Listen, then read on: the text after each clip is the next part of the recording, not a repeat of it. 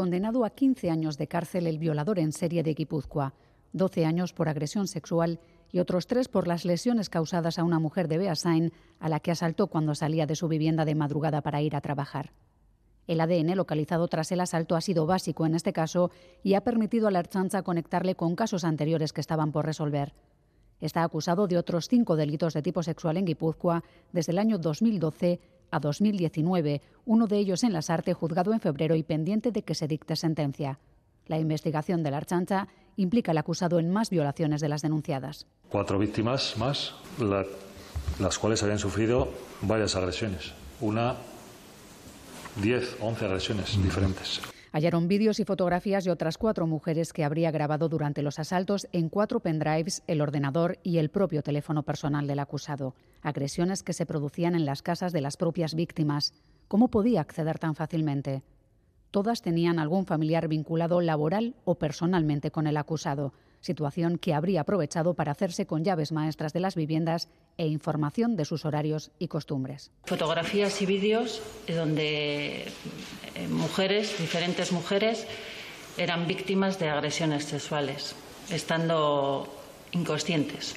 Que casi siempre era pues porque el hermano o un familiar de esa mujer trabajaba con él, le sustraía las llaves, accedía de madrugada al domicilio, que eran mujeres que no había denunciado.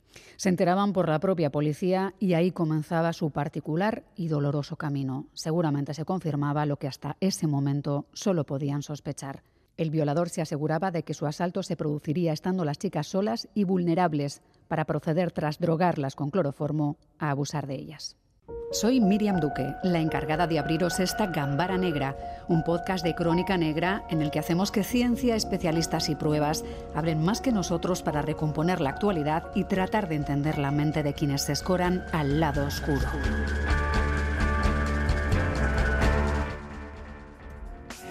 Durante los siete años que van desde 2012 a la agresión perpetrada en el verano de 2019, que permitió localizar a través del ADN al acusado, hoy condenado, actuó como un depredador sexual.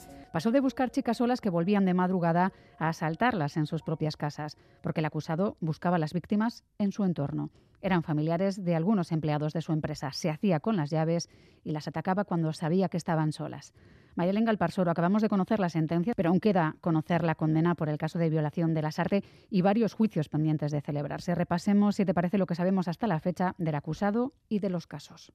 Si tiene 37 años y según el informe del médico psiquiatra, una adicción sexual que junto al consumo de alcohol y otras sustancias hace que su conducta sea irrefrenable, aunque es consciente de lo que hace. Es el violador en serie de Guipúzcoa. Eh, le pido perdón a la familia de Irati y a Irati le pido un perdón y bueno, se le va a indemnizar todo lo que ponga el fiscal. Esa es su voz y sus palabras en el juicio de Lasarte. La joven agredida el 1 de enero de 2015 eligió verle la cara y declarar ante él. Los padres narraban después el daño psicológico que la joven de 21 años ha sufrido tras la violación. Muy alegre, muy alegre, pero luego cambió. No es la misma. No es la misma se quiere hacer ella la fuerte, pero... Ella se quiere hacer la fuerte. Sí, pero no, no se le ve la cara, los ojos, no tiene la alegría esa, me falta.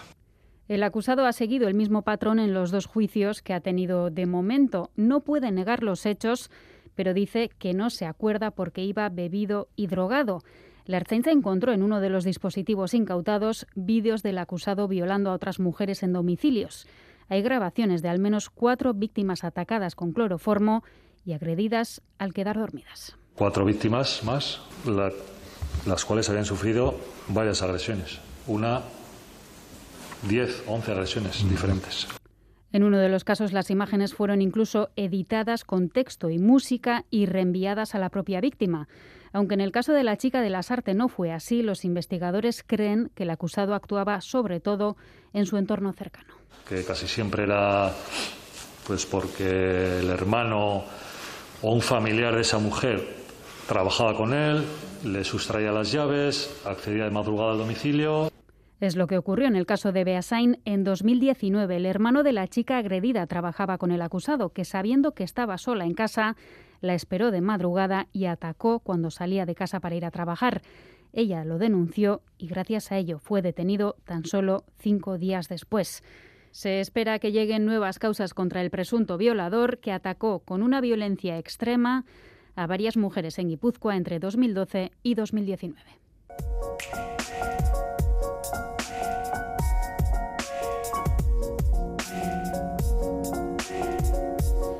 El ADN ha sido clave en la investigación. Una cuchara recogida de un restaurante al que el acusado acudió con la familia fue determinante para dar con el acusado de la violación denunciada en Beasain y de otras muchas. Javier Bordegaray pertenece a la sección de inteligencia forense dentro de la jefatura de la Policía Científica de la Archancha. Javier, ¿qué tal? ¿Cómo estás? Muy bien.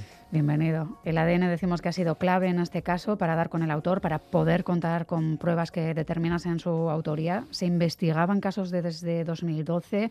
Él es detenido en 2019. ¿Qué es lo que permitió dar con él? ¿Cómo fueron los trabajos durante ese tiempo de cara a poder proceder a su detención? Bueno, en este caso en las denuncias, como tú bien comentas, del año 2012 obtuvimos un perfil dubitado de un varón que era el acusado de las violaciones. Para nosotros lo que necesitábamos era poner nombre a, ese, a esa persona. En la de Beasain, tras realizar una inspección ocular, a verificar que la persona que había realizado esa agresión sexual era la misma persona a la que llevábamos detrás de ellos desde el año 2012. Puede parecer que no, pero aunque no se cometan delitos, a nosotros no, se nos olvidan. Porque la labor no de la policía científica, sino de toda la archaña es asegurar la seguridad de todos, Miriam, de que tú puedas salir hoy de los estudios y puedas ir tranquilamente a tu casa y que no tengas que temer por nada. Entonces, tras realizar la inspección ocular del lugar, que era lo que nos corresponde a nosotros, levantar las evidencias, realizar el análisis de esas evidencias y cotejar el perfil con la persona que era sospechosa de realizar esa agresión sexual a través de las investigaciones que realizaban nuestros compañeros de eh, investigación, valga la reiteración, de, de la chancha. Javier, toda violación per se es un acto de mucha violencia, pero el escenario que encontráis en Beasain es un escenario que indica más violencia o mucha violencia. Vale. Es complicado, sobre todo para, para vosotras, en este caso Miriam, que eres mujer. ¿Cómo explico yo que una agresión sexual es más violenta que otra, sino cuando el acceso al cuerpo de una mujer es lo más aberrante que pueda existir. Si nosotros normalmente sabemos que cuando se produce un robo en un domicilio, la gente piensa que han invadido su intimidad, pues fíjate lo que pueda pensar una mujer cuando han invadido a su cuerpo de esa manera y sin su autorización. Vale.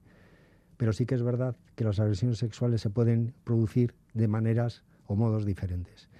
Y en este caso, eh, teniendo en cuenta lo que había empezado en el año 2012, cómo utilizaba distintos modus operandi que se han visto en la declaración de, ambos juicios, de Bersano o de Lasarte, sí que ha habido un pasito más allá en cuanto a la utilización de unos métodos muchísimo más violentos que los que había utilizado anteriormente para poder consumar la agresión sexual. Presentaba fuertes golpes en el rostro, por ejemplo, una tiende a pensar que cuando se usa cloroformo es para no tener resistencia y, evitar eso, pero cuando aún así hay toda esa violencia, implica un salto en, la forma de, actuar de esa persona o en su cabeza. Claro, y ese es el problema. Las agresiones sexuales de un agresor sexual normal pueden empezar de una manera más suave, complicado utilizar suave cuando hablamos de agresiones sexuales, para que me entiendas, y podemos acabar con agresiones sexuales con resultado de muerte, sí. Estamos hablando, como decíamos, de un escenario, entiendo que complejo de, procesar y a partir de ahí, bueno, pues se, siguió trabajando de forma que, claro, toda prueba esté libre de contaminación y que todo quede perfectamente registrado, ¿no? Porque estábamos ante un momento importante de esa investigación que luego resultó ser un momento importante para una investigación que llevaba años. Claro, en este, en este trabajo lo que corresponde a la policía científica para nosotros, que es nuestro trabajo diario, es importante la reconstrucción del hecho delictivo. Es decir, nosotros sabemos que hay un, lo que llamamos nosotros, el principio de transferencia. Entre el lugar y el autor siempre hay un intercambio. Ese intercambio, esas muestras, es lo que nosotros tenemos que, intentar recoger y ubicarlas luego. Si además le añadimos una víctima, que es lo que ocurre en este, en este caso, tendríamos un triángulo. Tendríamos lugar, víctima y autor. Nosotros tenemos que reconstruir ese hecho delictivo y poder identificar a la víctima, que en este caso lo teníamos porque eh, era la persona que había denunciado, y poder identificar al autor, es decir, el autor de ese hecho delictivo. Claro que a veces están en los archivos porque ya han cometido delitos previos y otras veces no, y hay que rastrearlos hasta dar con el ADN, ¿no? Esa cuchara. En este caso, nosotros lo que haríamos sería recoger muestras del lugar y cotejarlas. Es lo que nosotros llamamos, es difícil de explicar, ¿eh? Una muestra dubitada y un cotejo con una muestra indubitada. Esa es la base del trabajo, es decir, recoger una muestra en un lugar que no sabemos de quién es, que es lo que nosotros llamamos dubitada, de duda, con una muestra indubitada que sí sabemos de quién es y que se recoge en los, en los archivos.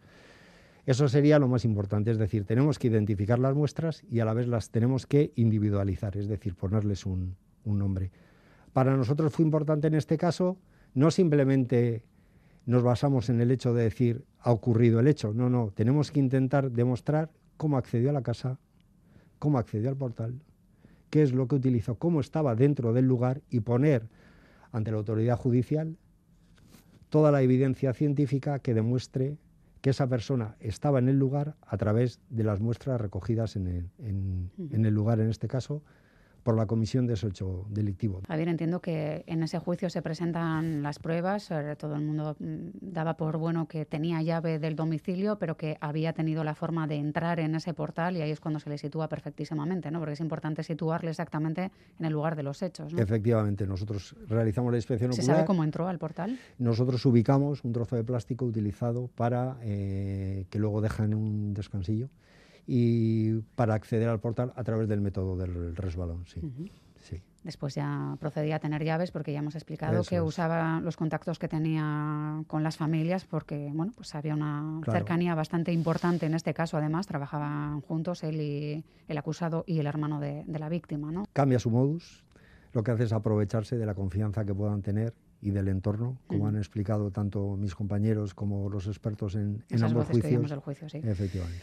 Cuando se llega a ese restaurante, hasta donde se pueda contar de la investigación, pero bueno, se recogen pruebas, digamos, que, demuestran o, que se va a tratar de cotejar si es la persona que ha estado en ese domicilio y entiendo que a partir de ese positivo es cuando se coteja con muestras anteriores, ¿no? Claro, nosotros en la investigación llegamos Una cucharilla suficiente en principio, una servilleta de papel incluso, o sea, algo pequeño que hayamos tocado ¿Es suficiente para que haya ADN nuestro? Eh, sí.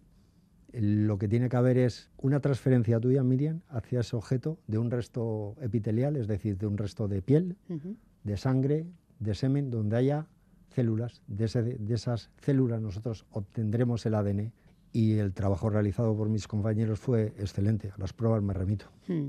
Entiendo que cuando se pasan eh, por los ordenadores o por los listados eh, se ve que hay juicios que, van a llegar o investigaciones que se reabren tras eh, esa aparición. ¿Se sabe cuántas hay pendientes eh, que dieron positivo con esa muestra obtenida tras la agresión de Beasain? Eh, tiene varias, Miriam. Déjame que...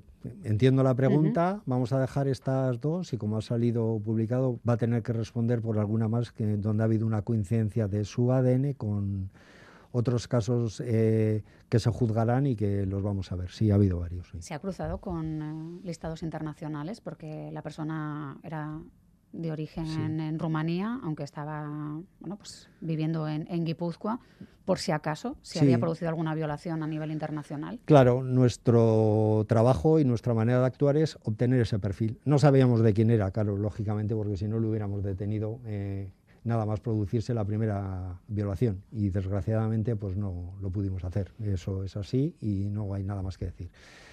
Nosotros todos los perfiles genéticos que obtenemos a través de un sistema informático y a través de una ley de ADN de octubre del 2007, lo que hacemos es cotejarnos con una base nacional de perfiles de ADN donde tanto Guardia Civil, Mossos, Policía Nacional, Policía Foral de Navarra introducen los perfiles realizamos un cotejo para poder intercambiar información. Pero no solo aquí, sino que a través de lo que nosotros llamamos Tratado de Prun, es decir, unos países que en la ciudad de Prun se pusieron de acuerdo para poder intercambiar información, tenemos que recordar que a través del Tratado de Schengen la libre circulación de personas nos permite a través de nuestro DNI poder circular de Europa, pero no solo a nosotros, también a los delincuentes. Intercambiamos ese perfil genético dubitado, que no sabíamos de quién era, con las bases de datos de los países firmantes, Rumanía entre ellos, pero no es Rumanía, Rumanía es ahora, pero podía haber cometido otro delito en cualquier otro lado. Domicilio previo. Efectivamente, y era negativo. Si tú me preguntas ahora si ha podido cometer, yo te diría que no sé si ha podido cometer más delitos en otro sitio.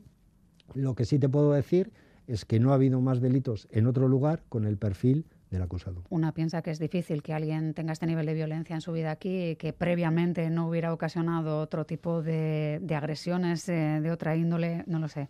No sé, Javier, si tú tienes la sensación de que estamos realmente ante un violador en serie. Sí, sin ninguna duda. Sí, sin ninguna duda. Y aunque aparecían los pendrives en el teléfono, en las grabaciones, permite, ya sé que no se ha podido utilizar en principio porque son casos separados, pero al menos ayuda en una investigación a hacerse una idea de, de qué tipo de persona estamos hablando, a qué tipo de persona se investiga y se está juzgando? Sí, lo que pasa que en este caso eh, tú obtienes esas, esas investigaciones en la investigación posterior, es decir, obtienes el objeto una vez de que lo has detenido. Esto nos servirá para tratar eh, o en investigaciones posteriores, sí, claro. Pues eh, Javier Bordegaray, ha sido un placer charlar y aprender eh, bueno, pues cómo funcionan los juicios y sobre todo el trabajo que se hace desde la sección de inteligencia forense dentro de esa jefatura de Policía Científica de la Archancha, porque gracias a, ese trabajo, ya que aunque bueno, pues hay trabas a veces en el camino que obligan a repensar, bueno, pues se vuelven a abrir casos que no se habían eh, encontrado al culpable y todavía hay mucho camino por recorrer. muchas gracias a, vosotros, Miriam. Y simplemente trasladar que sí que es complicado a la ciudadanía decirle eso, pero que no se preocupe, que no nos olvidamos y que nuestra labor es defenderos y que podáis vivir con tranquilidad todos los días. Pues lo dicho, Javier, hasta la próxima. Nos vemos. Miriam, gracias.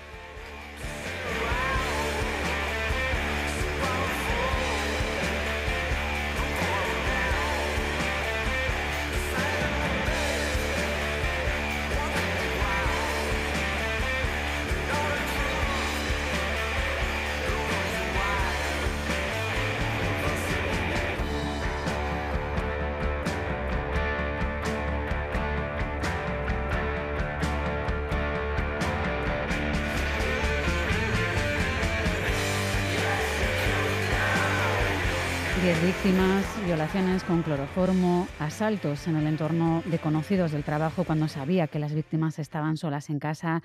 Queremos seguir trabajando en entender la mente de un violador en serie. Alberto Gredilla es criminólogo, es experto en conducta criminal y además jefe de la Policía Judicial de la Archancha en Araba. Alberto Gredilla, ¿qué tal? ¿Cómo estás? Hola, Miriam. Hablamos claramente también para ti de un violador en serie. ¿Lo es por definición? Por definición, ya simplemente violador en serie se entiende aquel que comete dos o más eh, ataques sexuales, con lo cual, evidentemente, y simplemente por la propia definición lo es. Pero eh, una vez estudiado todo el entorno y todo lo que tiene, sin ninguna duda es un violador en serie, incluso podríamos decir que es un depredador sexual. ¿Cómo definirías tú el perfil de, de, este sujeto que tenía mujer, tenía hijos y en principio parecía llevar en paralelo una vida ordenada?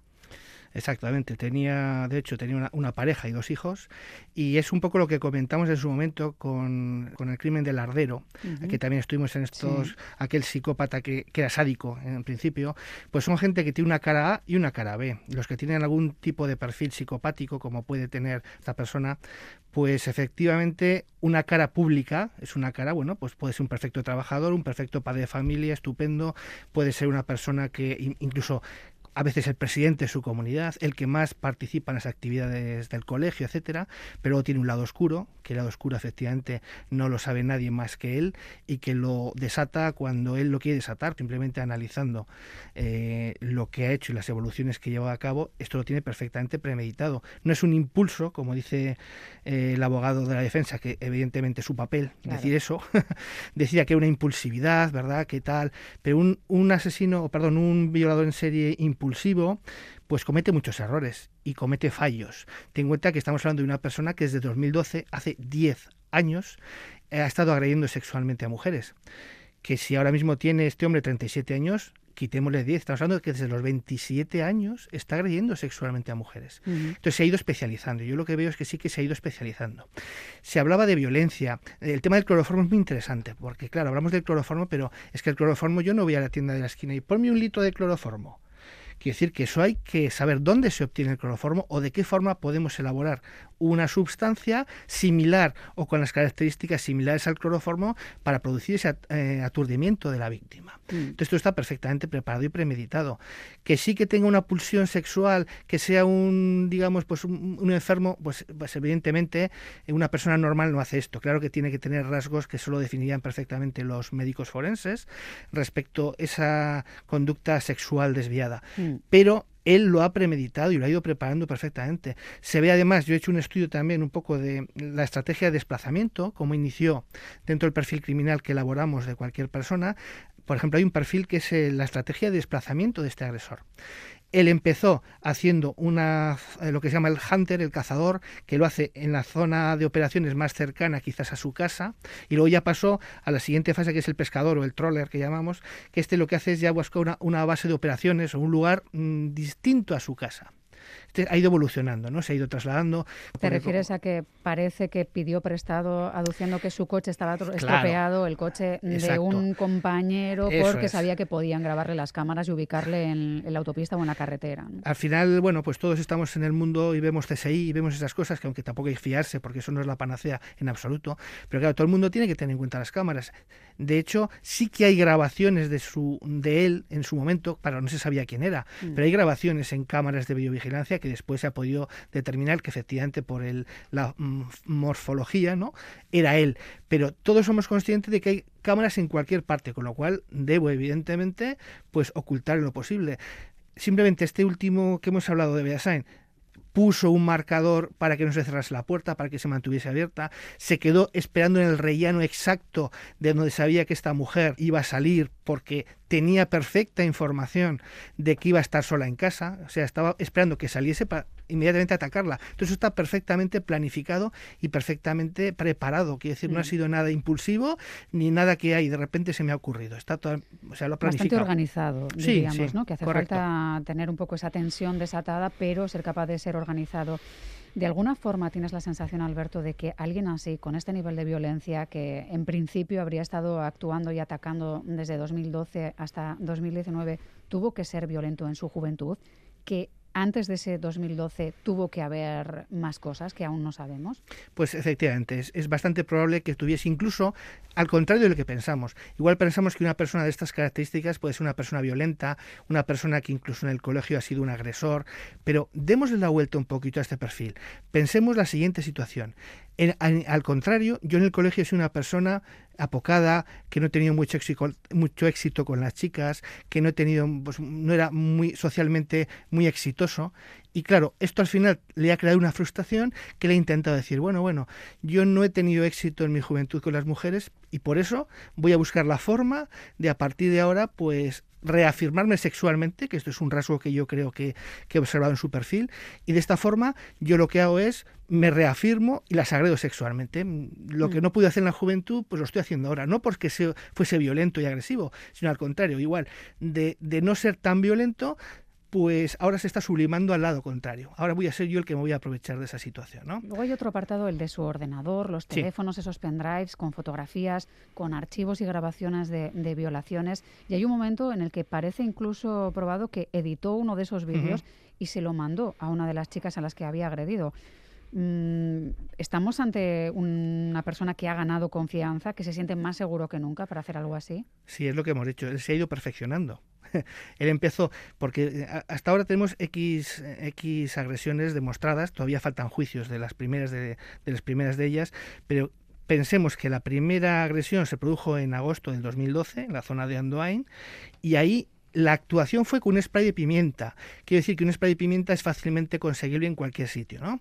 Y, si alguien en la calle le registra la chancha y aparece con un spray de pimienta en un momento dado, si es una marca eh, homologada pues puede llevarlo encima como spray de defensa. Entonces, esta primera agresión fue con un spray de defensa, posiblemente sí pudiera ser un poco más improvisada, pues pudo empezar ahí un poco a probar a ver qué pasaba. Fue una zona, eso sí que es importante, ha pasado a zonas, en esta evolución que comentaban también anteriormente, ha pasado de zonas más o menos públicas, donde tenía fácil huida, a esta segunda fase, donde ya eh, las agresiones sexuales las cometía en el interior de domicilios. El hecho relevante es que su modus operandi es anular la capacidad de la víctima.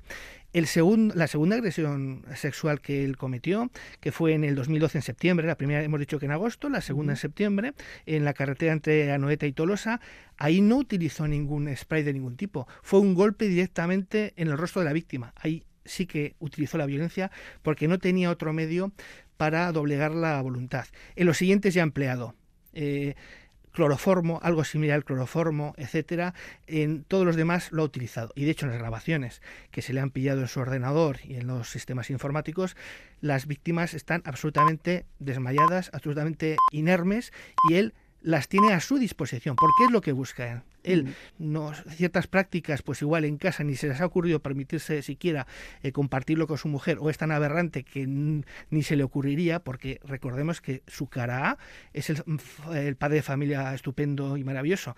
Entonces nadie se va a eh, imaginar que tiene estas pulsiones internas, con lo cual... Entiendo que si todo su entorno está en pues una iglesia, pertenecen más o menos eh, todos en su mayoría a la misma iglesia, entiendo que él dará un poco esa imagen o pretenderá darla de cara a los demás es la mejor coartada. Si soy una persona estupenda, eh, religioso, creyente, además incluso puedo ser una persona que hace donativos, hace actividades con, con, su comunidad, ¿quién va a pensar que yo luego tengo una pulsión interna de esas características? Jamás pensaría que fuese yo. Además se le ha ido ganando confianza, como también lo han comentado anteriormente, en los sucesivos actos. Diez años de actuación no me han pillado, ha ido ganando confianza y cada vez ha sido un poco más osado, porque desde luego era evidente que si yo utilizo las propias llaves porque se las sustraigo a amigos, a compañeros del trabajo, a empleados y las utilizo para acceder a esos domicilios, en algún momento van a llegar a mí. Tenía tal grado de confianza, incluso de narcisismo, porque esa grabación, cuando una persona se graba a sí mismo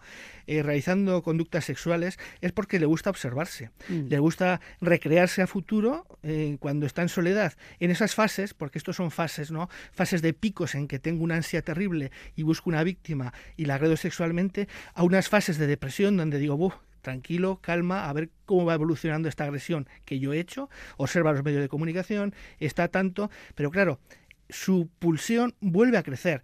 Durante un momento lo puede, digamos, mantener o puede reprimirlo, ¿cómo? observando esas grabaciones que tiene para su propio disfrute y placer. Mm. Pero en un momento dado las grabaciones no son suficientes y tiene la necesidad de volver a tener la sensación en directo, con lo cual vuelve a cometer una agresión sexual. Alberto Grevillas, criminólogo, experto en conducta criminal y jefe de la Policía Judicial de la Archancha de Araba. Y le agradecemos, como siempre, que nos ayude a aclarar conceptos y casos. Un abrazo, Alberto. Muchísimas gracias. Muchas gracias, Miriam. Un placer. Lo mismo. Hasta la próxima.